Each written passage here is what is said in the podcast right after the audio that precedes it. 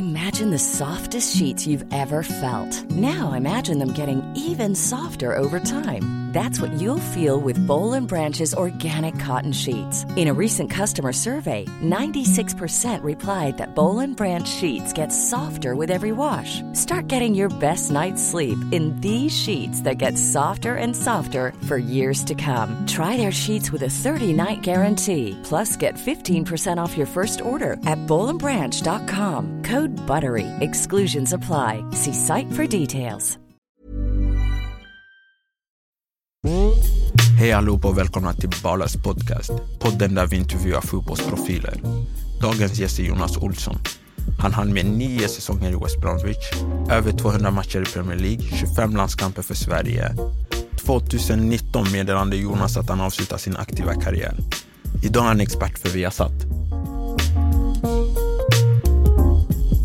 Ja, men välkommen Jonas. Det är jättekul att ha dig här. Tack, kul att vara här. Du har fått eh, jaga mig Ja. några månader. Jag är lite svår att få tag i ibland, men Ja, nu är jag här. men vi fick in det till slut, det är Ja, det viktigaste. det ska bli kul. Men du har haft en speciell sommar, du har fått jobba. Mm. Eh, hur har det varit? Eh, det har varit speciellt, som för, som för alla andra egentligen. Mm. Eh, vi har ju kört på ganska bra tycker jag på Viasat. Vi Mm. höll ju på med lite eh, sportprogram under tiden ligorna var stängda. Mm. Eh, och lite uppdatering om hur läget var i, i sportens värld. Mm.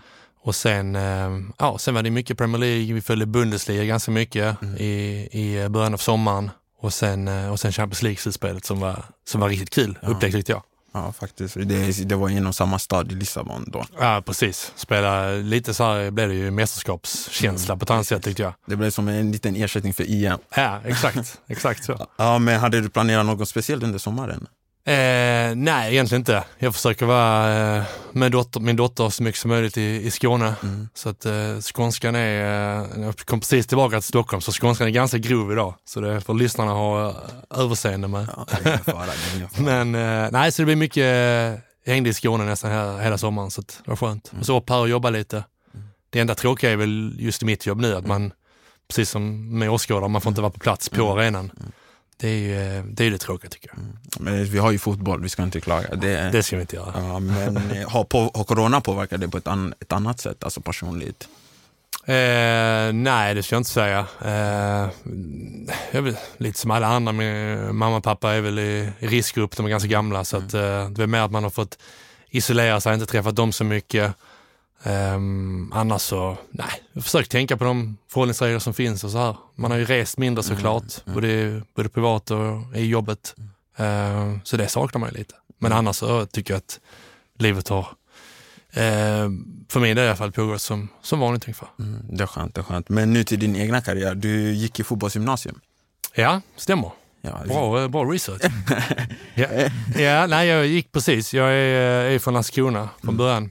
Pappa spelar fotboll där. Så att, eh, jag började spela i Landskrona Boys när jag var, eh, vad var jag, fyra, fem år gammal. Och sen så gick jag hela vägen då. Eh, fotbollshögstadie, fotbollsgymnasium och sen eh, fortsatte jag då i Landskrona Boys. Mm, men visste du redan i tidig ålder att du ville bli fotbollsspelare? Ja, det gjorde jag. Det var ju som sagt mycket då man var med pappa. Pappa var tränare eh, för Landskrona Boys när jag var fem sex. Så man var ute, man var i fotbollsmiljön hela tiden. Så eh, man växte upp med det och kompisarna spelade och så här. Så att, eh, det var ganska tydligt tidigt vilken väg eh, Mm, jag skulle och ville gå. Okej, vilka, vilka, hade du någon speciell position då redan som ung eller var det mittback som gällde då? Nej, Jag spelar ju, alltså, så här, jag var alltid försvarsinriktad. Ja. Men jag spelar ju mycket defensiv mittfältare. Ehm, även i de första åren jag kom upp i Landskrona Boys i A-laget, första åren där i Allsvenskan, spelade jag på defensiva mittfältet. Mm. Eh, men jag har väl alltid haft mittbackspositionen som, som min favoritplats. Som favoritplats. Och, Dels, och det har, jag tror det har med mina egenskaper som spelare att göra. Dels längden såklart med huvudspelet. Sen också att jag, jag gillar ju att, och, gillar att styra, gillar att prata, ehm, organisera. Och då såklart, ju längre bak i laget du kommer, ju lättare är det när du har hela bilden framför dig. Så. ja, och då, då blir det liksom lättare att se. Ja, verkligen. Sen, sen tror jag ju här att eh, de åren jag spelade på mittfältet att det var väldigt givande scen för eh, när jag spelade mittback. Det var lite mm, ja, det var lite mer bekväm med bollen. Eh, du hade lite mer tid givetvis på dig än vad du har på mittfältet. Så Så att, jag hade nytta av det tror jag. Okay, men efter, efter Landskrona så blev det Holland. Så ja. blev det, men hur, hur var det då? Ja, det, var, det var jättebra. Jag trivdes. Jag flyttade ifrån Landskrona när jag var 21, tror jag. Va? Um, de scoutade mig, jag var med u landslaget mm. spelade, i, spelade landskamp, kommer ihåg, med Norge tror jag det var. Mm. Och då spelade jag mittback i, i u landslaget mm. Så de scoutade mig som mittback till mm. Holland. Mm. Jag flyttade dit där, um, trivdes jättebra. Alla som kommer från en småstad känner väl att när man är 20-21, man vill gärna ut från den staden, få lite andra perspektiv. Mm. Så dels på det här personliga planet så, så var det jättekul att få uppleva ett nytt land och en ny stad.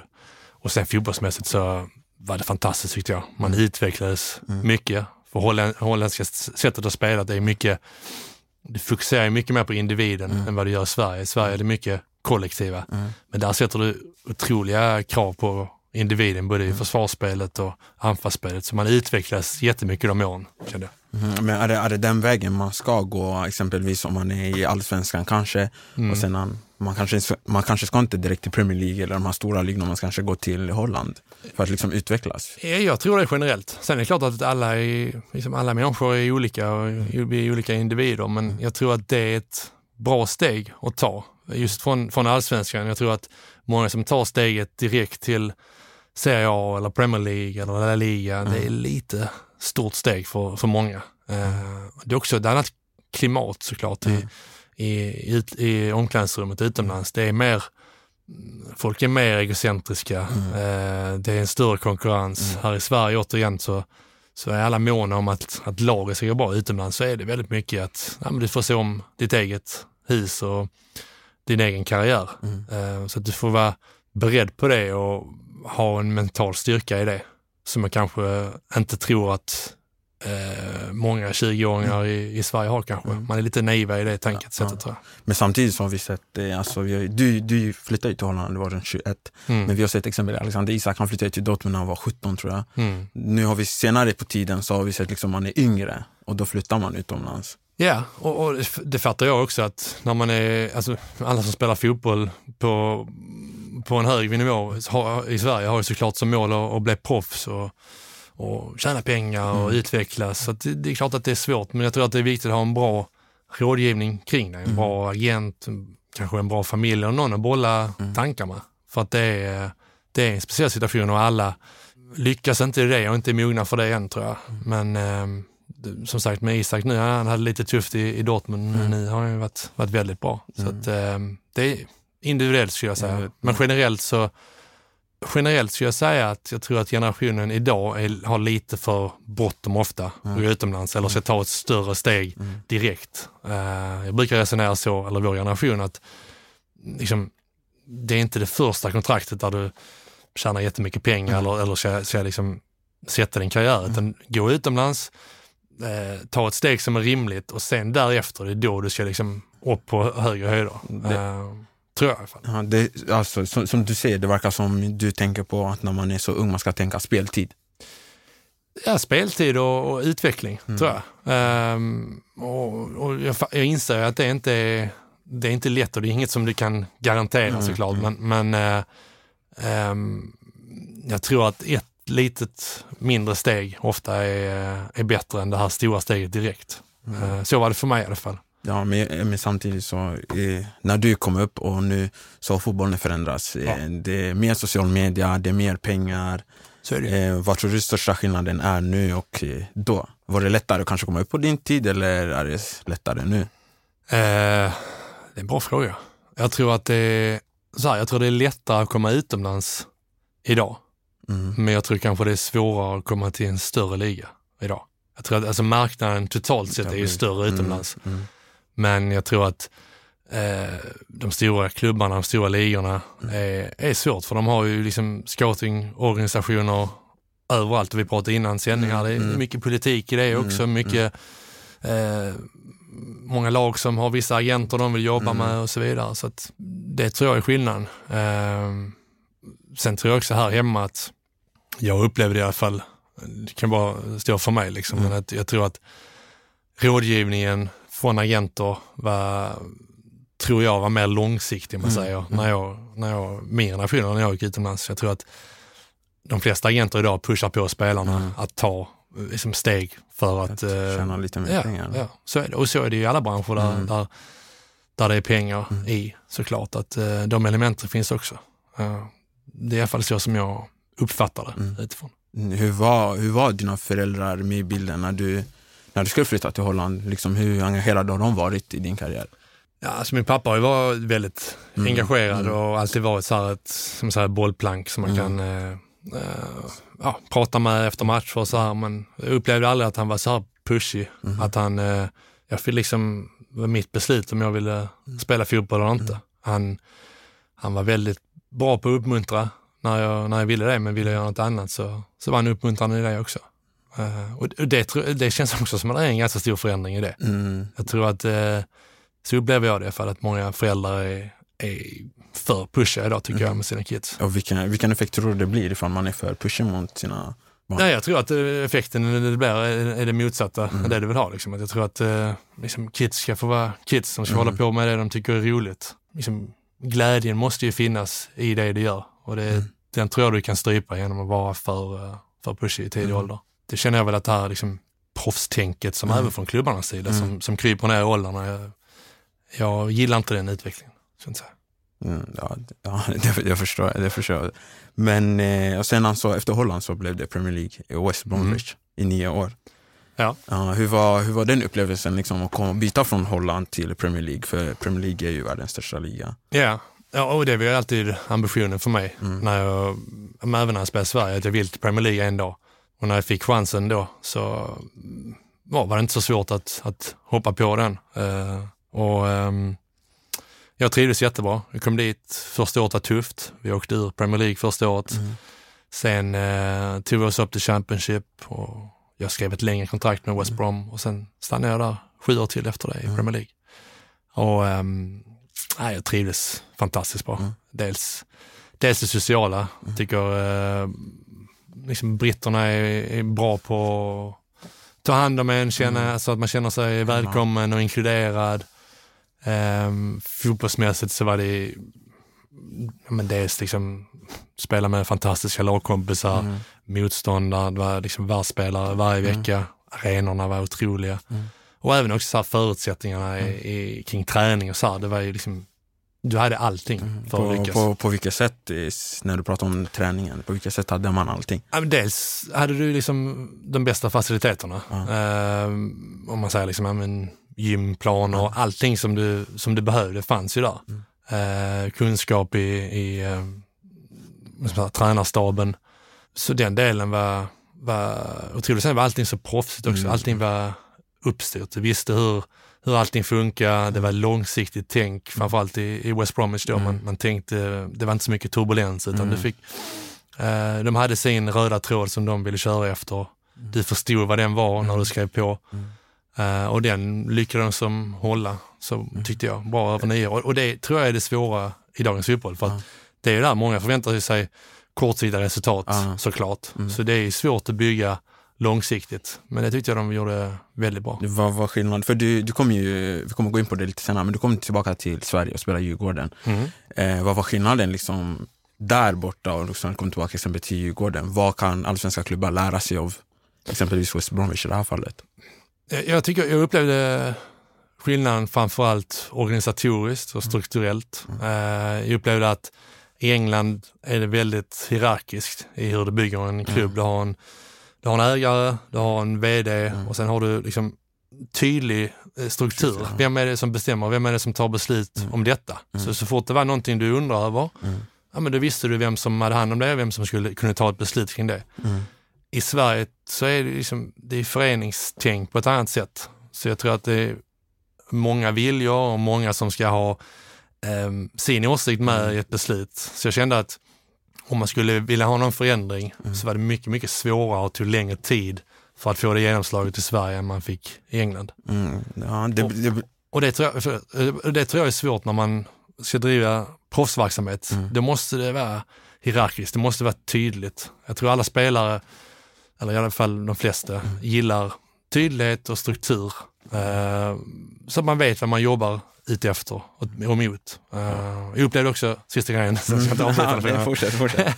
jag kände också att kravbilden Mm. var en helt annan än England. Man ställde krav på varandra. Mm. Eh, och Både från, liksom, eh, Ledningen. Från, från ledningen, och från fans och från spelarna Mm. i laget också. Um, det upplevde jag lite att det var sämre i Sverige, eller, eller inte så tydligt heller. Mm. På, vilket, Att- på vilket sätt då menar du? Nej, men att man inte hade en, en, en, en, tydlig linje med vad vill vi i år, vad vill vi vara om Ja, tre år, ja. hur ska vi nå dit? Ehm, lite känslan att man Tog det som det kommer? tog det som det kommer, men kanske också att man har gjort på ett sätt väldigt länge Ja, och det har funkat. Men jag tror att för att vara, framgång, för att vara framgångsrik, oavsett vad du gör, Mm. så saker som funkar måste du också eh, över tid liksom Mm. se över och säga, hur kan vi göra detta bättre? Och så, samtidigt så vet man måste anpassa efter samhället, för samhället utvecklas hela tiden också. Ja, så är det ju. Och marknaden också utvecklas hela tiden. Allting och träning och, och transfermarknad som du säger Mm. och allting. Så att du måste, du måste vara beredd på att, som du säger, gå med tiden på något Mm. sätt. Fotboll är en levande organism Mm. på alla sätt. Mm. Eh, men du snackar... Sen trivdes jag väldigt bra i Djurgården, men, men om du, på svar på din fråga så, så var det det svaret. Ja, ja, ja, det fattar jag. Det fattar jag. Men du, vet det, tillbaka där till West Bromwich. Du, hur var det att möta Cristiano, Drogba? Du mötte så många bra spelare under en lång period. Och liksom, hur var det liksom för dig liksom, att gå ut på exempelvis Anfield, Mm. eh, alla, alla arenor? Liksom. Mm. Ja, nej, det var otroligt. Och det var ju något, alltså, det kändes lika speciellt det nionde året som det var första året. Mm. När man stod liksom, man är här i Sverige, du är uppväxt med engelsk fotboll Mm. eh, och att stå då liksom i spelaringången på Anfield och höra You never walk alone Mm. och det är liksom Gerard bredvid dig, Suarez, Carragher. Det var otroligt ju.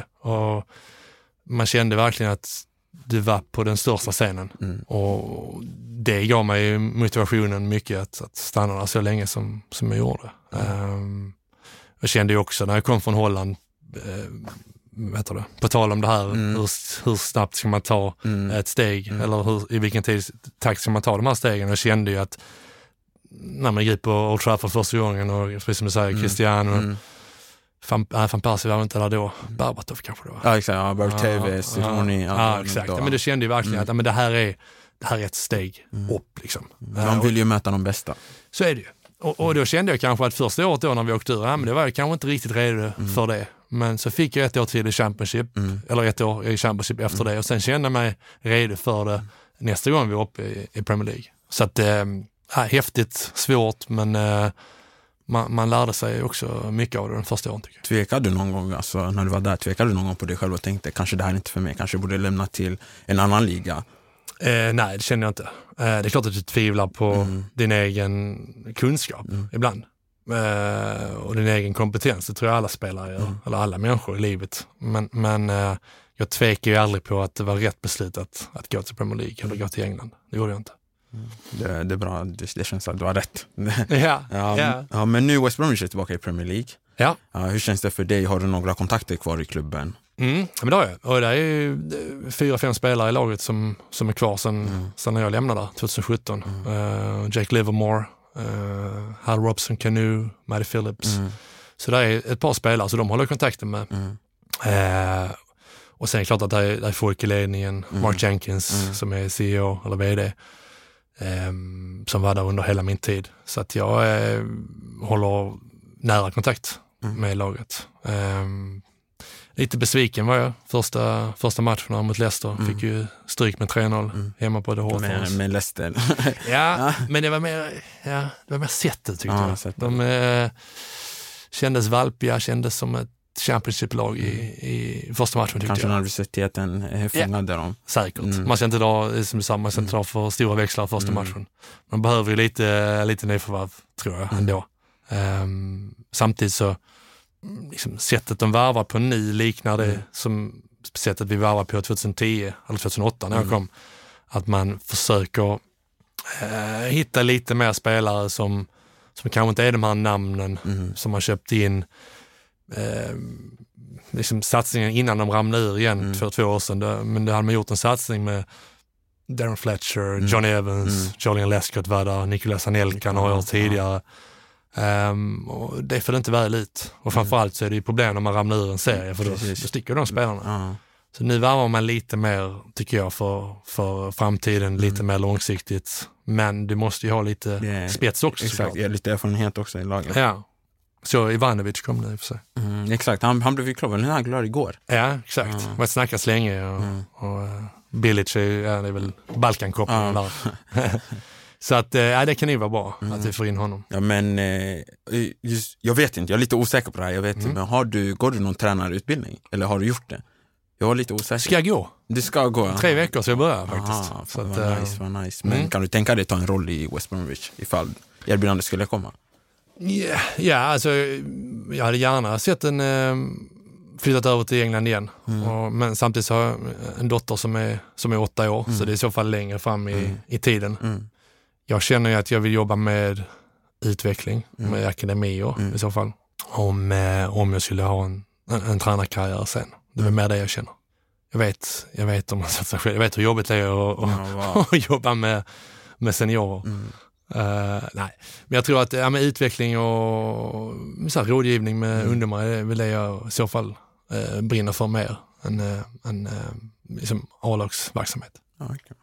Och Det får vi få se. Men det ska bli kul att få eh, att göra. Vad ska du ska du göra här i Stockholm eller? Mm, precis, det är Mm. på uh, Bosön. Så det är gamla spelare då. Mm, gamla som, spelare också. så att, ehm, ja, det blir... eh, Men det har också blivit en grej, nu det börjar bli mer naturligt att gamla spelare blir tränare. ja, Och det, och det känns som de kommer in och de passar bättre än en annan tränare, som, än någon som har tagit den vanliga vägen. Mm. Ja, men det har ju både och. Sen har du liksom den tyska vågen med Nagelsmann Mm. och Tuchel och Klopp, ja, Klopp hade väl någon form av karriär i och för sig, Mm. men, men det har ju den biten också. Mm. Eh, men i England är ju trenden som du säger, ja men Frank Lampard, Mm. Arteta, Steven Gerrard Ja, som är i precis. Rangers ju. Mm. Eh, och det är väl rimligt, tycker jag. Jag upplevde ju när jag spelade att jag Mm. trivdes ju ofta bättre med managers som, som hade en spelarkarriär tidigare. För Varför att, då? för att de kunde relatera Mm. mer, man pratar samma språk på något Mm. sätt. Mm. Taktiskt så kunde såklart en, en, en annan tränare vara lika skicklig, men Mm. de kunde ändå relatera till liksom, det mentala och, och Mm. det, det känslosamma i, i spelet på ett annat sätt. Får man mer respekt för någon som har varit fotbolls, fotbollsspelare innan? Det är en bra fråga. Initialt så tror jag det. Mhm. M- Men eh, jag upplever mig som, som så pass öppen att eh, visa tränaren att, att han vet vad han pratar om och visa en, liksom ett bra ledarskap. Mm. Och, då spelar det inte för mig någon roll egentligen. Mm. Men jag tror att liksom, kommer det en tränare, kommer träna när vi, mitt andra år i, i, um, i West Brom, Mm. tog de in uh, Roberto Di Matteo Mm. som jag tittade väldigt mycket på när jag, Mm. när jag växte upp och, Mm. och var lite, eh, han var lite så här, eh, en idol för mig eh, i fotbollen. Eh, Det är klart att jag har en större respekt för honom Mm, när, initialt. Exakt, exakt. Men ehm, ehm, jag skulle inte säga över tid så spelar inte det så stor roll. Jag tror det är viktigt att ha, liksom, England är så stora Mm. eh, tränarstabar. Liksom, Mm. Det har ju sju, åtta, nio man liksom. Mm. Eh, så jag tror det är viktigt att ha den komponenten, Mm. i alla fall i tränarstaben. Sen kanske inte behöver vara huvudtränare. Ja, men du, du är också där i West Bromwich, ni hade ju lite olika tränare. Du hade ju Steve Clark, Mm. Robert Matteo som du säger, Roy Hodgson. Eh, vad, Väldigt många. ja, väldigt många. Inte, inte bara för att eh, de fick sparken. Det var lite andra. Roy lämnade ju för han skulle England till honom. Precis, eh, exakt. Men eh, hur har du anpassat dig för alla deras metoder? Och jag tänker på när en ny tränare kommer in i laget, hur, för, för slutet av dagen, ni måste ju vinna, det handlar bara om att vinna. Mm. Men det känns som tränare får mer, nu kommer jag svära, får mer skit på grund av laget förlorar. Mm. Vad tänker du kring det? Jag tänker att det är inte alltid rättvist. Mm. Men, men så är ju världen på något sätt. Eh, Och så är det liksom i alla klubbar och företag att Mm. där är en man som, som eh, någonstans tar ut en startelva Mm. eh, och, och någon som, som har det övergripande ansvaret. Och när det går dåligt så, ja, då, då är det ju så att då får den personen ofta stå till svars. Sen var där, under min tid i West Brom, där var tränare som, som fick sparken som inte spelar gruppen alls är med. Till exempel Steve Clark som du nämnde, Mm, som mm. fick sparken. Där var eh, spelartruppen väldigt, väldigt eh, mm, eh, på andra sätt, på andra hållet liksom. Att man kände att, eh, nej men vi tror på det han vill göra, vi trivs jättebra med honom. Mm. Så är det ju, det får du försöka förhålla dig till som spelare. Det är liksom så världen är på något sätt. Mm. Och, och, vem var din favorittränare av alla de här? Jag gillar ju Roy Hodgson, skulle jag säga. Jag trivdes väldigt, väldigt bra med honom. Vad gjorde han annorlunda mot de alla andra? Han var en väldigt bra ledare på att kunna se individen. Han såg vad olika spelare behövde för motivation. Han, eh, liksom, han kunde inse och identifiera vilka spelare som behövde ha kritik eh, mm. och hur man skulle ge den kritiken. Så de ledaregenskaperna tyckte jag var, han var otrolig i. Och så är man väldigt närvarande också. Vissa managers i England ser man ju liksom, mm. De är inte ute på planen Exakt, i veckan ja. utan de kommer ut och så kör de sista träningen och sen, så, mm. och sen tar de matchen. Liksom. Mm. Men Roy var ute och körde, körde alla övningar själv. Eh, liksom bara först på träningen, eh, träningsanläggningen var den sista att lämna. Så han kände väldigt, väldigt engagerad, engagerad och dedikerad. Eh, och det kände, då kom han ju året innan fått, eller nej, det var bara några månader innan han fick sparken från Liverpool. Mm. Och det kände man också innan, ja men har han varit i Liverpool, hur ska mm. han säga det med all respekt då, men han kommer till West Bromwich, kommer han vara engagerad i det, men, men nej, han var 100 procent ja, verkligen. Så jag trivdes jättebra. Och en bra, jättebra människa och person och lätt att tycka om. Och det kände väl också att alla är mänskliga och jag, jag kände ju att hade jag en tränare som jag verkligen tyckte om och tog till mig, ja men då, då hade man ett par extra procent att ge för mm, den tränaren. Uh, och vice versa. Var det någon du absolut inte gillar eller som du inte gick ihop med, nej, mm. men då, då var det lite på andra hållet. Omedvetet kanske. Mm, inte så att du gick ut och sa nu ska jag inte prestera ja. så bra jag kan, men Roy hade den eh, förmågan att få ut lite mer av varje spelare. Så att, eh, ja, skulle säga honom då, de tränarna. Mm. Eh, det är en grej här jag tänkte på. För de, speciellt de här stora lagen, mm. vinner man så vill de att man ska spela snyggt. Mm. Eh, med vissa tänk, vad, vad, för att göra det för enkelt, vad tar du? Tar du vinst för, eh, i slutet av dagen, man ska ju vinna, mm. men tar du vinst för eh, fin fotboll? Mm. Alltid vinst, alla dagar i veckan alla dagar. Men, men, men, ja, ja. men, men, men, vissa lag tänker ju man ska spela snyggt. Exempel Real Madrid har vi det. Spelar man, vissa mm. tränare, de har varit Capello, han har mm. fått sparken, jag tror två gånger, mm. efter att han har vunnit ligan. Mm. På grund av att de inte gillar hans fotboll. Och Ajax är ju eh, klockrent exempel också. Det räcker inte att vinna där, att du ska mm. spela på ett visst sätt. Mm. Det beror ju på lite vilken person du är och framförallt som säger vilken klubb det är i. Jag resonerar så att jag är anställd för att, eh, för att göra resultat. Punkt. Um, det har kanske också att göra med att jag är försvarare. Mm. Jag blir ju bedömd Färg. utifrån hur många nollor man håller eller hur mm. lite mål man släpper in.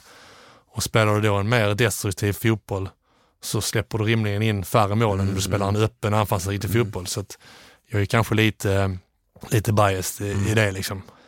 Men eh, jag fattar, det, det är en svår fråga för att ni som jag sitter och tittar på fotboll och mm. kommenterar fotboll, ja men då vill inte jag tråkig. Nej, det vill inte jag säga West Bromwich försvarar med ja. åtta man. Men, men eh, som spelare så är svaret entydigt från min sida. Mm. Att ja, men det är bara resultat som gäller. Mm. Um, men, men jag förstår att i slutändan så är det såklart det är underhållning, fotboll. Mm. Och uh, hur mycket jag än kan uppskatta och se liksom när italienska lag spelar mm. Catenaccio heter det kanske, spel, eh, eller tillknäppt och kan uppskatta bra försvarsspel mm. så, så klart att jag också tycker men det allra bästa är när man ser Messi i, i högform såklart. Mm.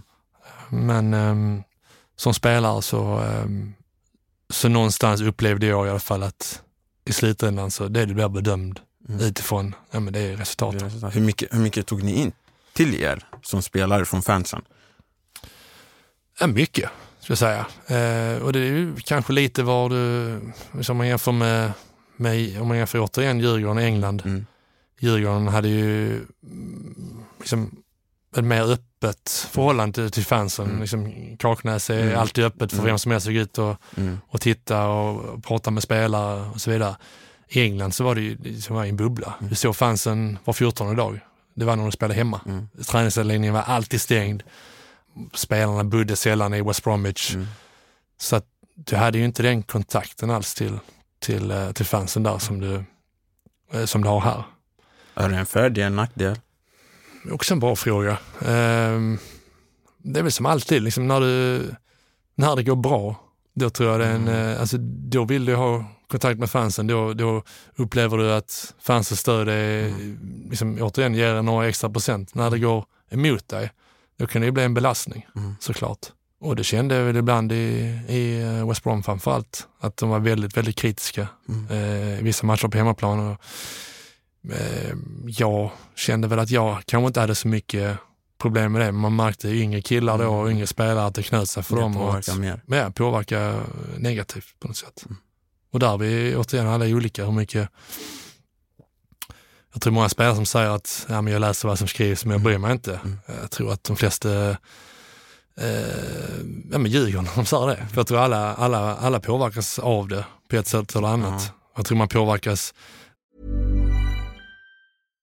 If you're looking for plump lips that last, you need to know about Juvederm lip fillers. With Juvederm Volbella XC and Juvederm Ultra XC, your lip look, whether it's subtle or bold, can last up to one full year with optimal treatment and no additional maintenance. Find a licensed specialist and see if it's right for you at juvederm.com today. That's J U V E D E R M.com. Add fullness to lips in adults over 21 with Juvederm Volbella XC or Juvederm Ultra XC. Do not use if you have severe allergies or a history of severe allergic reactions, or if you're allergic to lidocaine or the proteins used in Juvederm. Tell your doctor if you have a history of scarring or taking medicines that decrease the body's immune response or that can prolong bleeding. Common side effects include injection site redness, swelling, pain, tenderness, firmness, lumps, bumps, bruising, discoloration, or itching. As with all fillers, there's a rare risk of unintentional injection into a blood vessel, which can cause vision abnormalities, blindness, stroke, temporary scabs, or scarring. For full important safety information, visit juvederm.com. Hey there, it's Michelle Norris. I'm host of a podcast called Your Mama's Kitchen. When I travel, I'm usually looking for a way to find a taste of home when I'm not at home. And one of the things I love to do when I am at home is entertain. And Airbnb allows me to do that. When I was in California recently, I rented a house that had a great kitchen. And when we were sitting around the table, we we're all thinking, we're in someone else's house. Someone could be in all of our homes as well. If you have a home, but you're not always at home, you have an Airbnb. Your home might be worth more than you think. Find out how much at airbnb.com/slash host. jag försökte att inte påverkas och inte läsa för mycket för jag tror att dels när det är negativt, då påverkas du av det, men även när det är positivt så kan det påverkas också i liksom en dålig riktning av det. Och det var väl någonting som jag blev bättre med, Åldern. med åldern, ja precis. Jag insåg liksom vilken, vilken kritik som var befogad, vilka människor som i min närhet som, som jag skulle lyssna på. Mm. Och, ehm, men nej, nej, det var inte helt lätt. Men, ehm, och det återkommer till det igen, liksom, när man, unga spelare som tar steget Mm. ut. Just det klimatet är ju brutalt också. Mm. Utomlands annat Engelska, pressen är... Ja, den är, den är hemsk. Ja. Det är inte helt lätt att förhålla sig till som, som 20-åring Mm. som, som, eh, Som ung. som ung helt Mm. enkelt. Ja, men och på tal där att vissa bodde, vissa bodde inte i West Bromwich, för du bodde i London, jag tror fem år. Ja, precis. Eh, Hur kom det sig? Det var lite olika anledningar. Jag bodde, första fyra åren bodde jag i Birmingham Mm. och sen eh, flyttade jag ner med familjen till London. Med mamman, mamman till min dotter, hon var, eh, eller hon är svenska, Mm. men hon eh, bodde i London innan vi träffades så hon ville ner där. Jag hade mycket kompisar i London Mm. och kände väl att eh, jag behövde någon form av nytändning Mm. efter fyra år där. Eh, om inte det var att byta klubb så ville jag byta miljö socialt. Så att, eh, och det trivdes jag med jättebra med. Så jag pendlade upp från London, ganska många som pendlar. Mm. Birmingham ligger ju mitt i England så, Mm, mm. så det var många, dels när till exempel Darren Fletcher och Johnny Evans kom från United, då hade de ju sin familj rotad där uppe i Manchester så pendlade de ne- ner från Manchester till Birmingham och vi från London då, Anelka bodde också i London så han pendlade upp därifrån. Och, ehm, så det, nej, det funkar, funkar bra. Lite resande. Mycket tåg. Hur, hur viktigt är, när du pratar om det, det sociala, hur viktigt är det sociala livet utanför fotbollen? För vi har sett ju spelare som Adriano hade jättedåligt socialt, Ronaldinho också, han gick ju Mm. ner snabbt. Mm. Det är på grund av det här, det kändes som, kanske livet utanför, utanför fotbollen var inte så bra. Nej, nej det, det, det är svårt tror jag. Dels är det ju svårt, eh, mm, eller man umgås inte på samma sätt tror jag eh, med lagkompisar som jag gör hemma i Sverige. Det är ändå en större konkurrenssituation med de flesta. Jag tror också det här att det är ett annat land och det är där för att spela fotboll. Um, då blir det ju väldigt, en väldigt stor fokus på det såklart. Mm. Jag tror så här, liksom, går inte fotbollen bra, då är det svårt att trivas i det sociala oavsett hur bra det är. Mm. För att du är där någonstans med ambitionen och, och målsättningen att, att göra det bra där. Liksom. Sen vill också, liksom, det är väl här också, jag kände väl att svårt att få kompisar utanför fotbollen där. Eller folk du känner, du, du har ändå en identitet som, mm.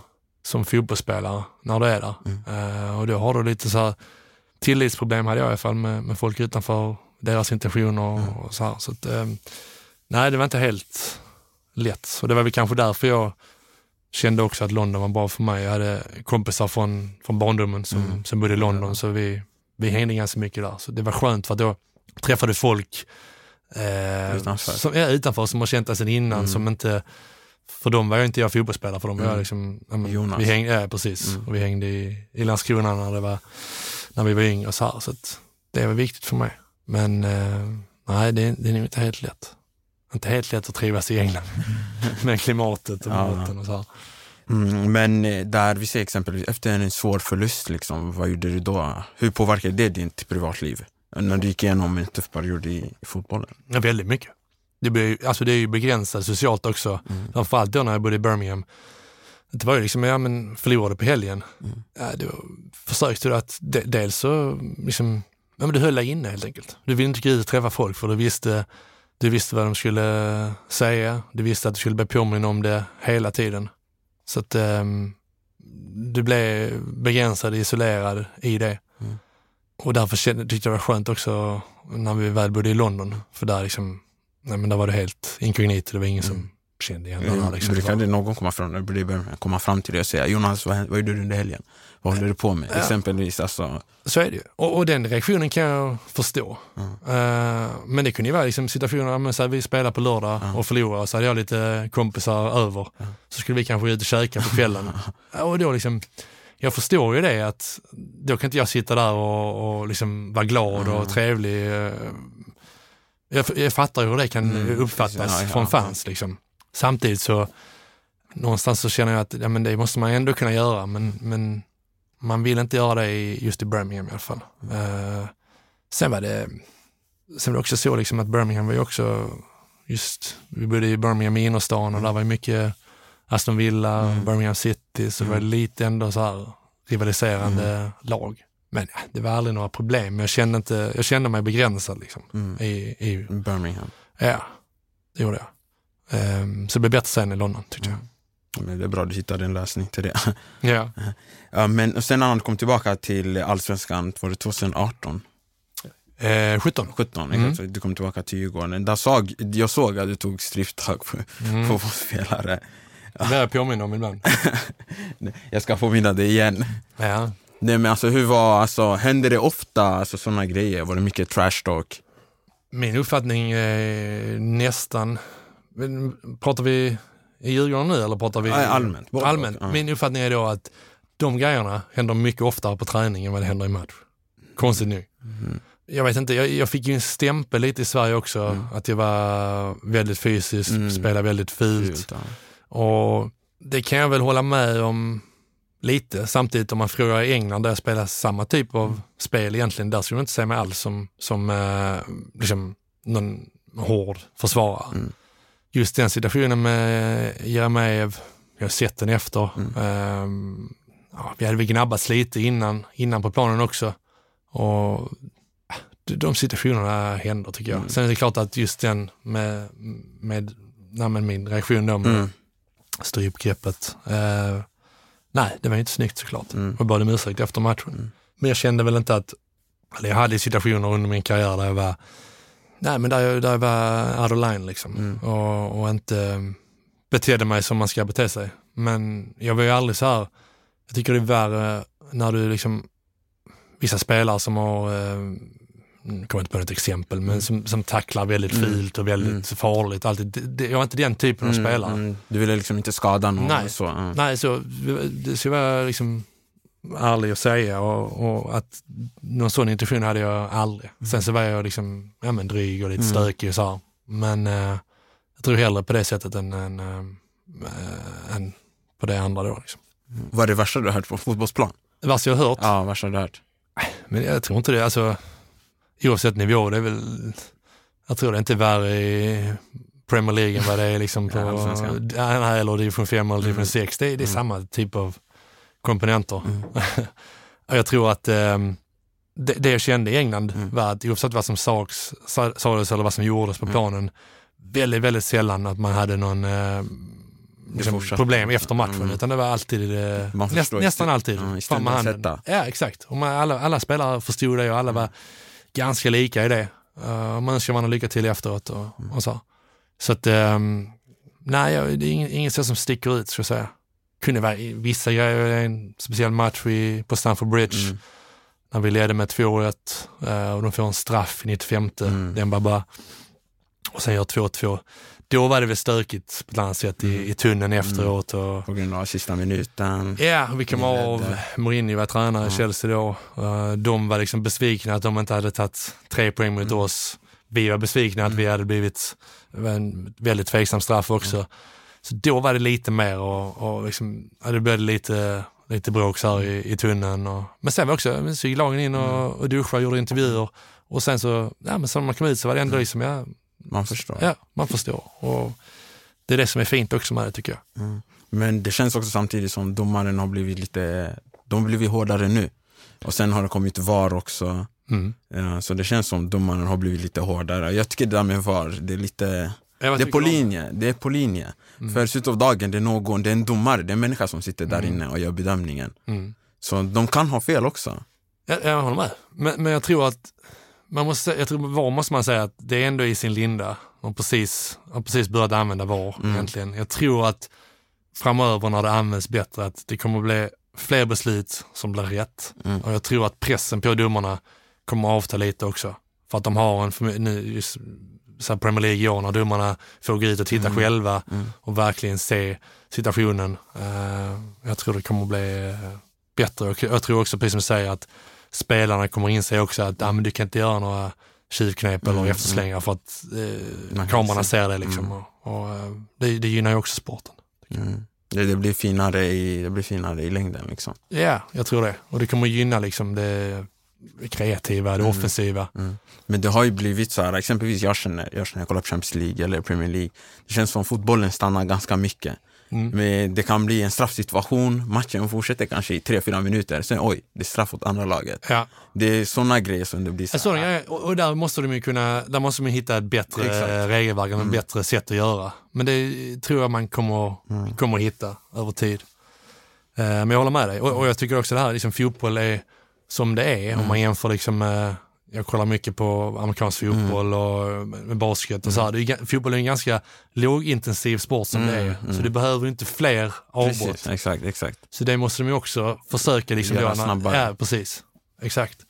Eh, och det hoppas jag och tror att man, man kommer, Mm. eh, kommer göra när man, när man är mer van vid, vid VAR och hur det ska användas. Mm, Men du blev ju lagkapten ganska tidigt i Landskrona. Mm. Jag tror du var det i West Bromwich. Ja, Ja, så- eller jag var assisterande. Assisterande. Men jag var, kaptenen var skadad Ja. och petade ganska länge så jag var kapten mycket då. Mm. Sen du var det i Djurgården också. Mm. Det, är alltså, det, är ändå, det är ändå bra att ha det på CV. Har du alltid varit en ledare eller hur kom det sig att du blev lagkapten? Ja, det tror jag. Jag var assisterande i Holland också, ska jag tillägga. Om jag klappar mig själv på ryggen. Nej, men det tror jag. jag. Jag tror också att ledare är svårt att definiera, men jag har alltid varit så här verbal på planen. Mm. Alltid gillat att, att, att, att, prata Mm. och organisera. Jag tror att i de lagen jag spelat har jag varit ganska, ganska omtyckt som, eh, som person. Mm. I det att jag, Mm. liksom, jag kan ställa krav på andra, Mm. men jag tycker att jag är bra på att ställa de kraven först och främst på mig själv. Mm. Mm. Så min ledarstil som kapten, eller oavsett om jag är kaptensbilen eller inte, Mm. Var någonstans att jag började med mig själv. Och då är det lättare också att vara auktoritär tror jag. Det är Mm. lättare att vissa kaptener, som, eller vissa ledare då, inom situationstecken som man har, som, som inte ställer de kraven på sig själv. Nej, men då någonstans så då kan du försöka leda men ingen kommer ju följa dig. Mm. Eh, ser du till att börja med dig själv, där du har större chans för att, att, att få resten med dig också. Och sen tror jag också jag var ganska bra på att det handlar också om att kaptenen inte bara på planen mm. utan det handlar också om att föra spelarnas talan mm. gentemot ledning, gentemot tränare ja. i, de, i, i de frågorna man ska, ja. spelarna ska ha en åsikt. Uh, och där tyckte jag också jag hade integritet, mm. att uh, när man står på mig det och, och verkligen ifrågasätta det som vi då från spelargrupp tyckte, tyckte inte stämde. Mm. Hur var det att ha exempelvis Zlatan i landslaget som kapten? För Zlatan ställer ju ganska, mm. han verkar vara en sån som ställer mycket krav på sin omgivning. Ja, och, ja, och jag tyckte det var grymt. Jag gillar ju den typen av ja. människa. Jag är van vid den typen av kravbild som vi sa från England. Mm. Jag vill ha tydlighet. Jag vill inte, alltså, är det något som inte jag gör bra, mm, då vill jag höra det. Mm, för då vet jag, du kan förhålla mig till det. Då mm. vet jag, ja, men okej okay, det är inte tillräckligt bra, hur ska jag göra bättre? Men mm. om någon inte vågar säga det till mig, ja men då fortsätter jag göra det felet. Liksom. Precis, ja. Så jag, jag, jag, tyckte om honom som person, jag tycker om honom som person, tyckte om honom som, som ledare. Mm. Och um, Sen var det säkert kanske Någon. spelare som inte mm, gjorde det, men, men så är det ju i, i, i ett lag. Mm. Um, i ett lag liksom. Ja, man kan inte bli omtyckt om alla, tyvärr. Nej, så är det. Ja, till och med Zlatan. ja, nej, så är det. Och jag tror så här, och, som ledare, oavsett om du är kapten i fotboll eller om du, vad du nu är ledare för, mm. är du omtyckt av alla, mm. jag tror inte jag du, du gör ett tillräckligt bra mm. jobb som, som ledare. Liksom. Mm. Du måste vara tydlig, du måste vara eh, stark i din eh, i din åsikt, mm. ha integritet i den. Mm. Sen vara lyhörd såklart för vad andra tycker mm. och försöka liksom, ibland kanske omvärdera, omvärdera den, den mm. åsikten eller ståndpunkten du har. Mm. Uh, men uh, det är svårt att vara ledare och, och stryka alla medhårs. Mm, det, det, blir, ja, det blir ju så faktiskt. Mm. Eh, men du har också varit intresserad av psykologi, människors beteende. Är det var, har det varit på grund av fotbollen eller? Eh, Ja, det ska jag säga. Mm. Uh, jag är ju dels intresserad av uh, nej, men gruppdynamik såklart, mm. eftersom jag är lagidrott. Mm. Men också det här i eh, du har spelat med så, mycket, så många spelare mm. som varit helt fantastiska Olika, på träningen. Ja, men, mm. Som varit världsspelare på träningen. Mm. Sen så när de väl kommer ut på planen så är det någonting som knyter sig och så funkar det inte. Och vice versa. Spelare som, som har gått och dragit benen efter sig lite på mm. träningen. Sen när det är skarpt läge, då är de påkopplade och det är liksom och det är intressant tycker jag, för att du tränar, du tränar liksom på ett sätt fysiskt, ett fysiskt sätt då. Du tränar på, ungefär alla lag tränar lika och det mm. går lite i trender så här, men du jobbar väldigt lite med, med det mentala. Det mentala. Um, och där tror jag är, tror mycket att vinna, jag är intresserad av den mm. delen. Mm. Och det är också, så, försöka reflektera både i fotbollen och liksom i livet vanligt, liksom, mm. att du du försöker se människor, försöker se att det är en anledning till att vissa människor är som de är. Mm. Uh, och mm, alla de bitarna är intressanta tycker jag. Uh, och det är viktigt tror jag att, att man försöker reflektera över mm. det. Inte bara ser liksom, för alla har fördomar och alla har, har ju en tanke kring sakers mm. tillstånd och hur det ska vara utifrån den livshistoria man mm. själv har. Uh, och, och, det kände jag i England att det var väldigt viktigt för mig i min eh, utveckling mm. ja, som människa och som fotbollsspelare att, att spela med så många människor från hela världen mm. och uppleva deras mm. perspektiv lite mer och uppleva varför först skulle man komma in och så var det en person man inte gick, gick, mm. gick ihop med kanske mm. i början.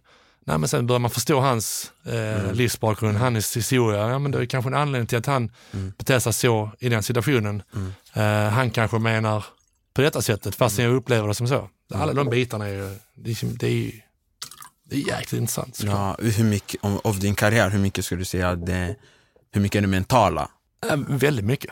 Jag, jag, känner ju att, dels i det här att jag kände att när jag spelat, jag, jag kände att jag hade kanske inte de egentliga egenskaperna rent liksom, fysiskt kanske, men sports egentligen, alltså te, te, talangen, ja, men talangen ja. inom citationstecken, vad nu talang är. Mm. Jag hade kanske inte den fullt ut. Mm. Men jag var ju väldigt, väldigt bra på att bygga en karriär på att jag var mer professionell mm. än, än, än, nästan alla. Mm. Uh, jag var beredd att offra det som jag behövde offra. Mm. Jag var så till att, att vara så pass spelintelligent på matcherna att jag mm. Tog rätt beslut ofta. Uh, och om man pratar om tränare då, som sagt med Hodgson, mm. han sa det också, liksom, det är en ganska enkel grej. eh, generellt. Mm. Om det är en Championship-spelare eller en Premier League-spelare.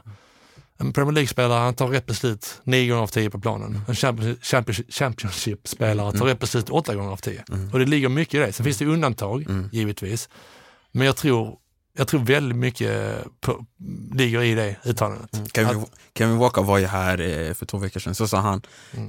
eh, om man kollar på Jonas Olsson så ser man någon som har lagt ner mycket tid och kraft i hans karriär. Mm. Och om man vill verkligen lyckas i fotbollskarriären så ska man kolla på honom. Det, var, Mm. det, det sa han faktiskt. Så, Ja, det var, det var insiktsfullt av honom. ja, nej, men, men ja, så är det väl. Eller så är det tror jag. Jag tror att den delen, jag upplever ju att det är väldigt, väldigt många spelare som jag har spelat med och mot som har en, en väldigt stor talang för fotboll. Men jag upplever att den andra delen, att det är ofta den som, eh, som många brister på. mm, som saknas. Mm. Mm. Okej, men eh, nu, nu när du tittar tillbaka på karriären, inser, har du missat något? Tycker du du har missat något? För att du tog kanske fotbollen före allt annat? Ja, men på det sättet. Ehm, n- nej, det skulle, det skulle jag inte säga. Eh, jag kan väl säga, jag är ju- för att bli personlig, jag är separerad med min eh, dotters mamma. Mm. Och det eh, tror jag kanske till stor del har att göra med att jag var väldigt mycket borta i början när min dotter var yngre. Mm. Men det har också att göra med mitt jobb ju. Mm. Man var borta alltid. Alltid, alltid, alltid med fotbollen. Ehm, så att, ja, men samtidigt så, det var ju någonstans det, det livet vi hade och det var någonstans det jobbet jag, jag hade. Så att det är svårt att, det var inget val på det sättet i den tiden. Mm. Det var någonting som skedde liksom. Ja, och nå, någonstans så, ja precis, att, att, att så var det liksom. Ja, man har ju ingen direkt, eh, nej men du har inget att säga till om som spelare, utan du har kontrakt. Ja, exakt. Punkt. Mm. Du, ska vara, du ska vara här den här tiden. Och sen så kanske man spelar på lördagen och så hade tränaren sagt innan, ja men ni är lediga söndag, måndag. Mm. Och så åkte man ner till Chelsea och förlorade med 3-0. Så kom man tillbaka sen på träningsanläggningen efter matchen. Var, Fuck off, vi ska, ni ska inte vara lediga, vi ska träna nu här söndag, måndag. Och så fick man ställa in de grejerna. Man, då skulle man kanske ha dottern på söndag, nej men kunde man inte ha det. Så sådana grejer, vi kanske inte inser att det är svårt att leva bredvid en sån person. Men samtidigt så är det kanske inget så aktivt val Mm. man har gjort, utan det, Det var så det var. Liksom. helt enkelt. Mm. Ja, okej. Men nu vi ska gå mot avslutningsfrågor. Ja. Eh, när du känner, när du... Är det läsarfrågor? Är det inte än, inte än. Inte. Lyssnarfrågor. Eh, vad känner du när du tänker tillbaka på karriären? Vad saknar du? Ja, det var, hur lång tid har vi kvar nu? ja, okay. Först var jag, jag är stolt över min karriär. Att, att spela liksom över 200 matcher i, i Premier League var någonting som, som jag inte trodde var möjligt. Eh, jag vet vad det innebär i, som sagt, uppoffring i hårt arbete.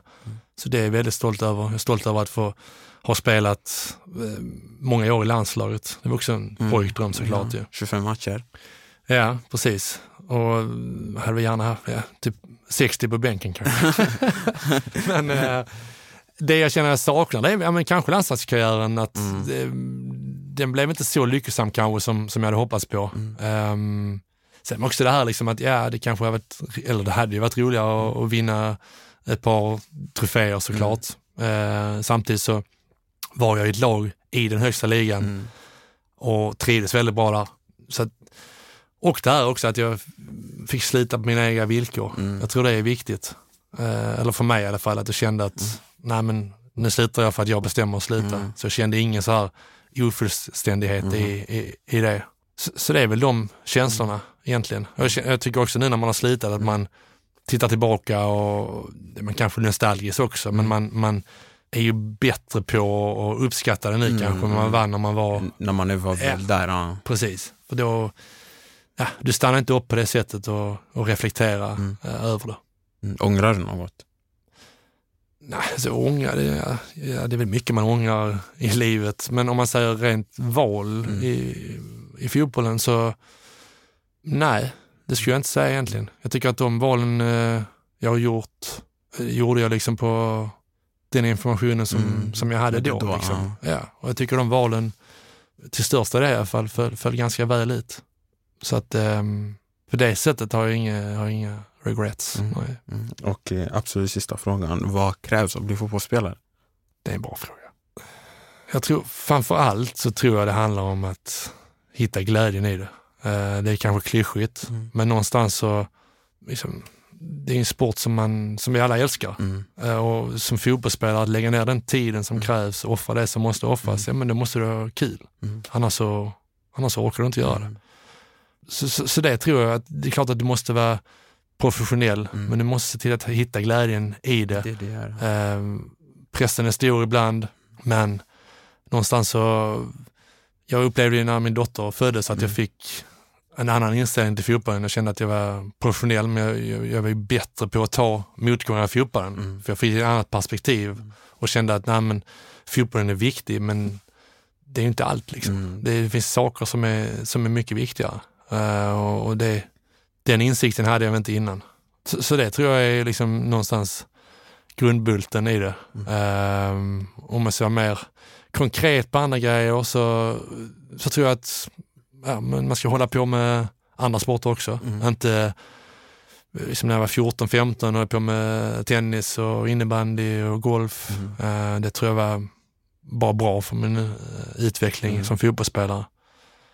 Sen en grej som tror jag också att försöka vara ödmjuk i det här att lyssna på folk som, som har kunskap. Eh, försök ta till sig av kunskaper som finns. Eh, viljan att lära Mm. eh, är det viktigaste. Du lär dig hela tiden. Man, liksom, slutet av min karriär, när man satt och kollade på en match, ja, men då satt jag och kollade på mittbackarna framför allt.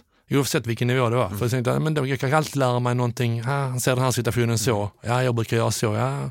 Och så fick man en känsla och så eh, reflekterar man över det och liksom diskuterar det med, med sig själv eller med, med andra. Och så eh, så den, den viljan att, att hela tiden förbättra det, tror jag.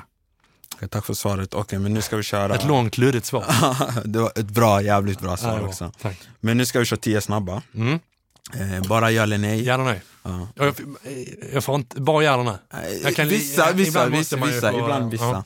Okej, ditt tidigaste minne av fotboll? Eh, det är enkelt. Det är VM 1990 med Maradona. Världens bästa mittback? Nu? Ja. Eller nu, någonsin? Nu, nu, nu, nu. Ja. Eh, nej, det är van Dijk. Mm. Världens bästa fotbollsspelare genom tiderna? Jag tror, jag tror om man eh, kommer ställa den frågan om 10-15 år Mm. så kommer de flesta säga Messi eller Ronaldo. Ja, okej. Bäst... För, mig, för mig är det ju Maradona. Ja. Punkt. Men, men eh, det är också för... Eh, punkt, sa jag, så fortsätter jag. Nej, men det är också, jag gillar ju alltså, jag gillar inte bara fotbollsspelare, Ja. människan är ju Ja, men, intressant ja. och karismatisk. Mm. Och, och så här. Men eh, nej, Messi eller Ronaldo. Mm. Jag kan inte välja. Bästa fotbollsspelaren du har mött? Messi och Ronaldo. ja. eh, bästa fotbollsmatchen du har sett? Fan, det är svårt alltså. Det finns ju en del. Men nu- man landar väl alltid i, eh, i VM-matcher någonstans. Det är de man kommer ihåg mest. Vilken tycker du? Jag tycker Barcelona mot Real Madrid 5-0 på Nou. Ja, det är klart. Ja. Eh, men ska vi hitta, vi tar någon som är ganska eh, färsk kanske då. Ja. Ja. Liverpool, Liverpool mot Atletico. det var bra. Det var bra. Jag gillar ju Liverpool mot City i fjol också. Ja, den också. Den var fin Mm, mm. Den var också fin. Ja, vi tar den då. Ja, okej.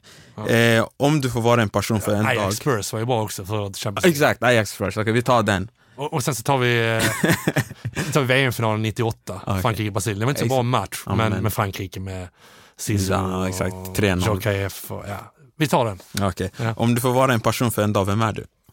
Vi gick in här i studion eh, såg jag gitarrer. Mm. Det är mitt största intresse egentligen, förutom fotboll och musik. Så att jag hade väl velat vara någon, eh, någon musiker. Mm. Eh, jag gillar ju Oasis, så kanske Liam Gallagher. Mm. Ja. Eh, vad gör dig rädd? Man är konstant rädd att något ska hända ens dotter.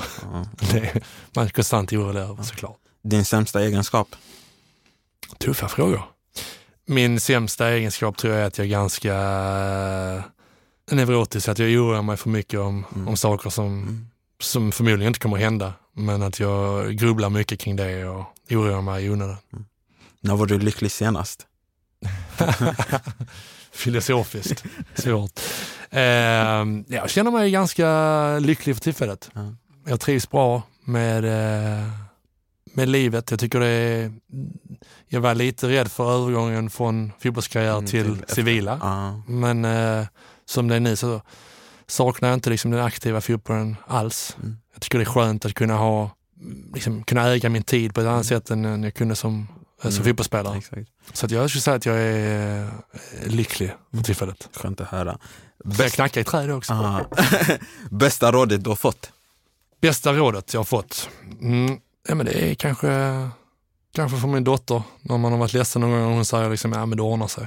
Och det är ju ett bra råd. Mm. Det mesta ordnar sig. Faktiskt är det. Så är det ju. Att, att saker går över. Återigen där, det, det man är orolig för, det, sällan, eh, eh, ofta det oroar för mycket. Så. Det mesta går över. Det är bra råd tycker jag. Mm. Ja, tack så mycket Jonas för att du kunde komma. För Trevligt. ett grymt avsnitt. Ja, tack själva. Det var jättetrevligt. Ja, tack. Fantastiskt avsnitt av Jonas. Tack för att ni lyssnar. Ni kan gå in och följa Ballers podcast på Instagram och Facebook där vi kommer uppdatera med kommande gäster. Och ifall man har en speciell fråga kan man kontakta oss där.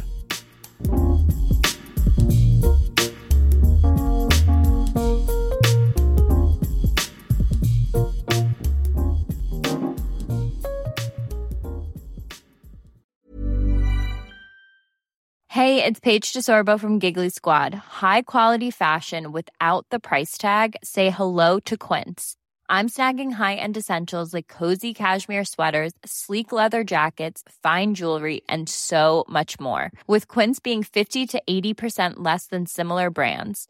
And they partner with factories that prioritize safe, ethical, and responsible manufacturing. I love that. Luxury quality within reach. Go to quince.com slash style to get free shipping and 365 day returns on your next order. Quince.com slash style.